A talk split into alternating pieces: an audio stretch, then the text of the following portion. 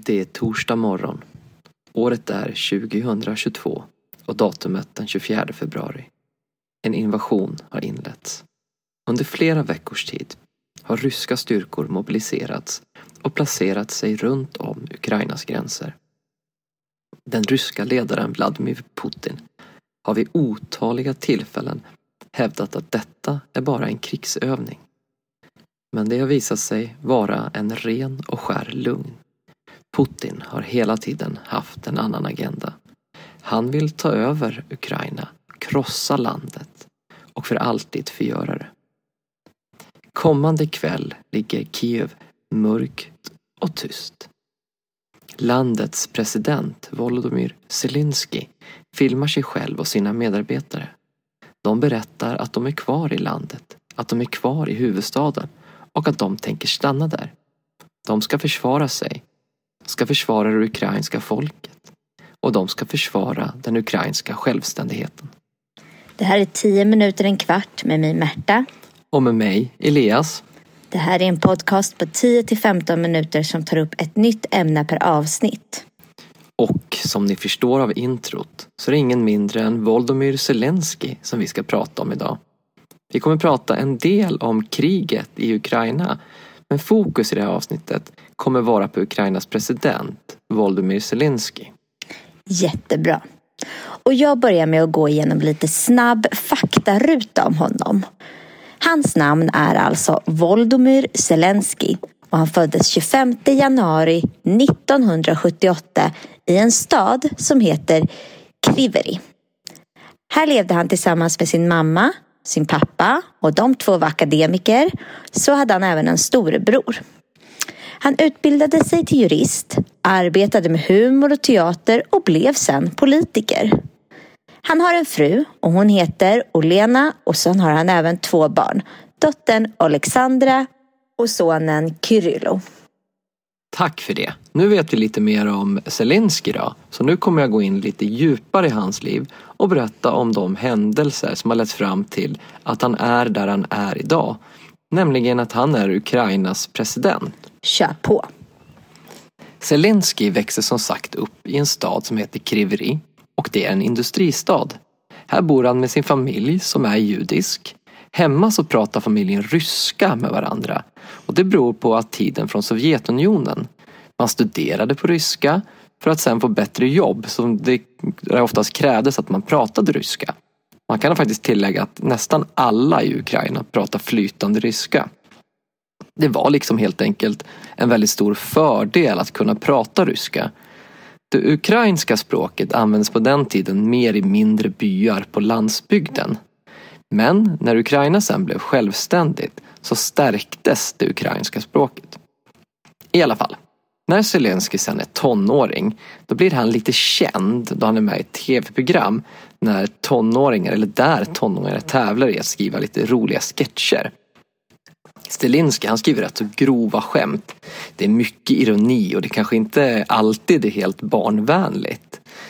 Han börjar också samtidigt, efter han är klar med skolan, att plugga juridik eh, på universitetet. Men på fritiden så ägnar han sig gärna åt teater. Och det är även här han pluggar på universitetet som han träffar sin fru. Och hon pluggar till arkitekt. Medan han går på universitetet så startar han också en humorgrupp tillsammans med några vänner. Den här humorgruppen heter, och nu har vi översatt det här till svenska, Kvarter 95. Och det heter så därför att de växte upp i just ett kvarter som hette Kvarter 95. I den här skämtgruppen, Kvarter 95, så är Zelensky lite utav ledaren. Eh, och senare så startar de även ett produktionsbolag dit han bland annat rekryterar sin fru för att skriva manus eh, på det, just till det produktionsbidraget då, som han driver. Den här humorgruppen den blir rätt så känd i Ukraina och de gör många olika saker. Ungefär samtidigt som Kvarter 95 ägnar sig åt att underhålla landets befolkning med sin humor så blir det uppror i Ukraina. Den sittande presidenten på den här tiden, Viktor Janukovyč, han pausar nämligen förhandlingarna med EU för att istället försöka få till avtal med Ryssland. Trots att det här går rakt emot det ukrainska folkets vilja. Och det leder till att det blir stora demonstrationer. Det är som två läger kan man säga. De som vill vara med i EU och som även vill gå med i NATO och dra sig undan från Ryssland. Och den andra halvan, även fast jag inte tror att det är riktigt hälften på varje sida utan att den stora majoriteten faktiskt är med på den sidan som är emot Janukovic. Hur som helst så blir det stora protester och de brukar vara kända som Majdan-protesterna. Det slutar med att Janukovic avgår och flyr från huvudstaden. Eh, den här gruppen är egentligen inte, alltså Zelenskyjs grupp är inte riktigt helt med under själva demonstrationerna. Eh, men de kommer på att de faktiskt vill eh, vara med och påverka. Och det kan de ju göra genom film och tv och inte minst humor. Så de skapar en tv-serie som är en satirisk tv-serie och som får namnet Folkets tjänare. Och i Folkets tjänare spelar Zelensky en lärare som så småningom blir president i Ukraina. Hans roll går ut på att han är förbannad för att ingen ledare i Ukraina gör någonting. Det är helt enkelt en satir över Ukrains politik. Och den här serien den blir jättestor i Ukraina.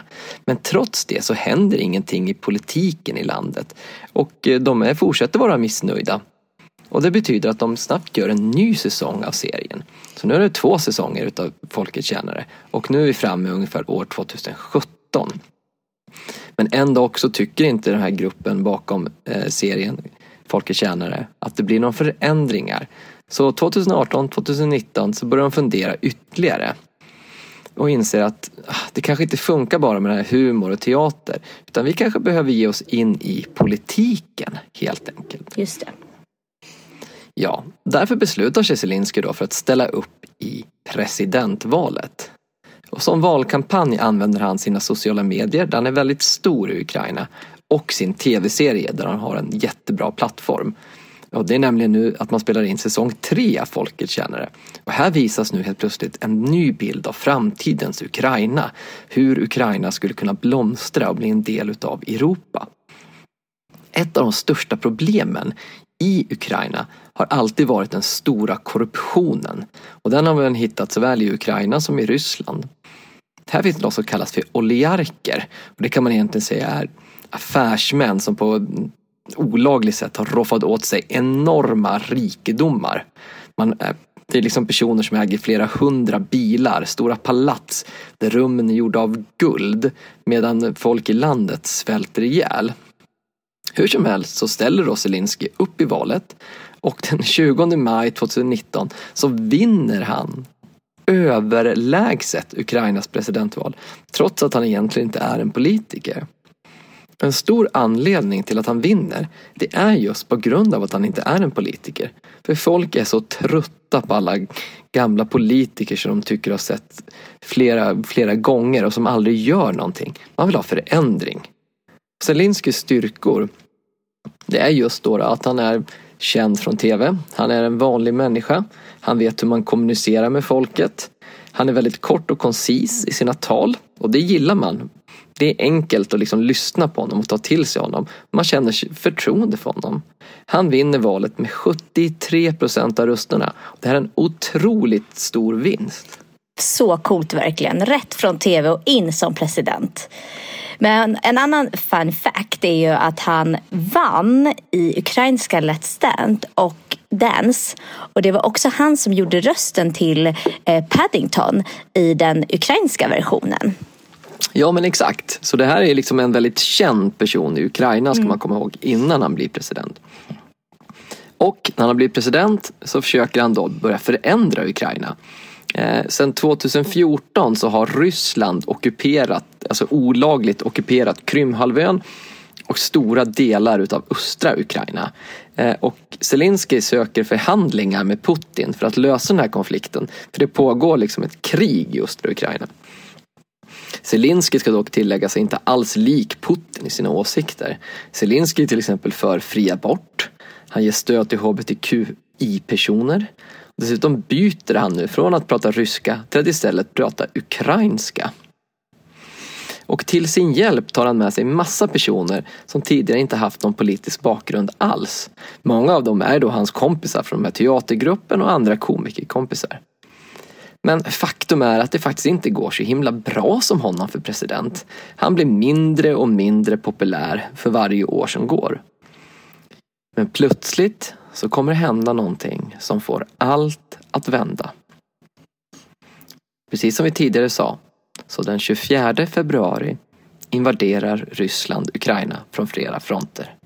Deras mål är att slå ut Kiev och avsätta, troligen till och med döda Zelensky och den politiska ledningen och sätta in sina egna politiska ledare.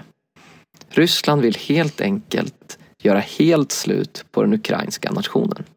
Så obehagligt och fruktansvärt och läskigt. Otroligt läskigt. Och alla tror nog att Zelensky ska fly från Kiev. Men precis som vi sa ovan så gör han inte det. Han gör istället tvärtom. Han stannar och han visar att han tänker inte fly. Han tänker slåss. Han blir till exempel erbjuden av den amerikanska militären att de ska flyga ut honom från huvudstaden. Alltså hämta honom med flygplan och flyga iväg honom. Men det vill han inte gå med på. Istället så svarar han bara på deras erbjudande och säger Jag behöver ammunition. Jag behöver inte skjuts. Ja, man märker att han är rapp i käften. Kort och koncist. ja, verkligen. Och det ger liksom effekt. För genom att själv vara kvar i Kiev och visa att han tänker inte fly så kan han också inspirera det ukrainska folket till motstånd. Och det är ett kraftfullt motstånd som Ukrainas folk erbjuder. Och det håller ända fram till idag. Ryssland har inte lyckats kuva Ukraina. Landet kämpar heroiskt och lite av det som Zelensky en gång visade upp i sin tv-serie håller nu på att bli verklighet. Alltså vad då tänker du? Ja, Ukraina har fått stöd av i princip hela västvärlden. Mängder av ledare har kommit på besök till Kiev mitt under brinnande krig. Till och med Joe Biden, USAs sittande president, har varit här. Ja, och så svenska statsministrarna, alltså både Magdalena Andersson och Ulf Kristersson har väl varit där? Ja, exakt. Och faktum är att Ukraina under hela kriget varit tydliga med att de vill vara en del av Europa, inte av Ryssland. Vilket tillsammans med mycket annat gjort att landet nu har uppnått kandidatstatus till EU. Så de är på väg in i EU nu alltså? Ja, men det är en väldigt lång väg kvar. Men ja, Ukraina är på väg. Man tar sina första steg mot EU. Och Zelensky har verkligen gått igenom rutan i hela västvärlden. Han talar inför alla parlament, är med i massa tidningar, blir Times Person of the Year. Hans klädstil med arméfunktionskläder och orakat ansikte är, är det många som tar efter. Och vi har till och med sett Emmanuel Macron iklädd luvtröja efter lite inspiration av Zelensky. ja, ja, det är inte ofta man ser franska presidenten i luvtröja. Ja, berättelsen om Zelensky har nog flera kapitel kvar, kvar att skriva. Men vi väljer att helt enkelt sätta punkt här. Ja, och vi väljer idag att avsluta med de nu för tiden kända ukrainska fraserna Slava Ukraini Herojam Slava. Och det betyder ära åt Ukraina, ära åt hjältarna. Och vi som har gjort den här podcasten heter Elias. Och Märta. Och det här är en podcast som är gjord i samarbete med vikarielärare. Till den här podcasten kan du hitta arbetsmaterial som du kan använda innan, under och efter podcasten. Det hittar du på vår hemsida www.vikarielärare där du går in under fliken för lärare. Du loggar in med lösenordet vikarielärare med litet v. Du kan hitta den här podcasten i våra sociala medier. Vi finns på Facebook som vikarielärare, gå in och gilla. Och vi finns på Instagram som vikarielärare. Gå in och följ oss där. Podden kan du också hitta på alla ställen där poddar finns. Soundcloud, iTunes, Spotify. Tack så mycket. Tack. Hej.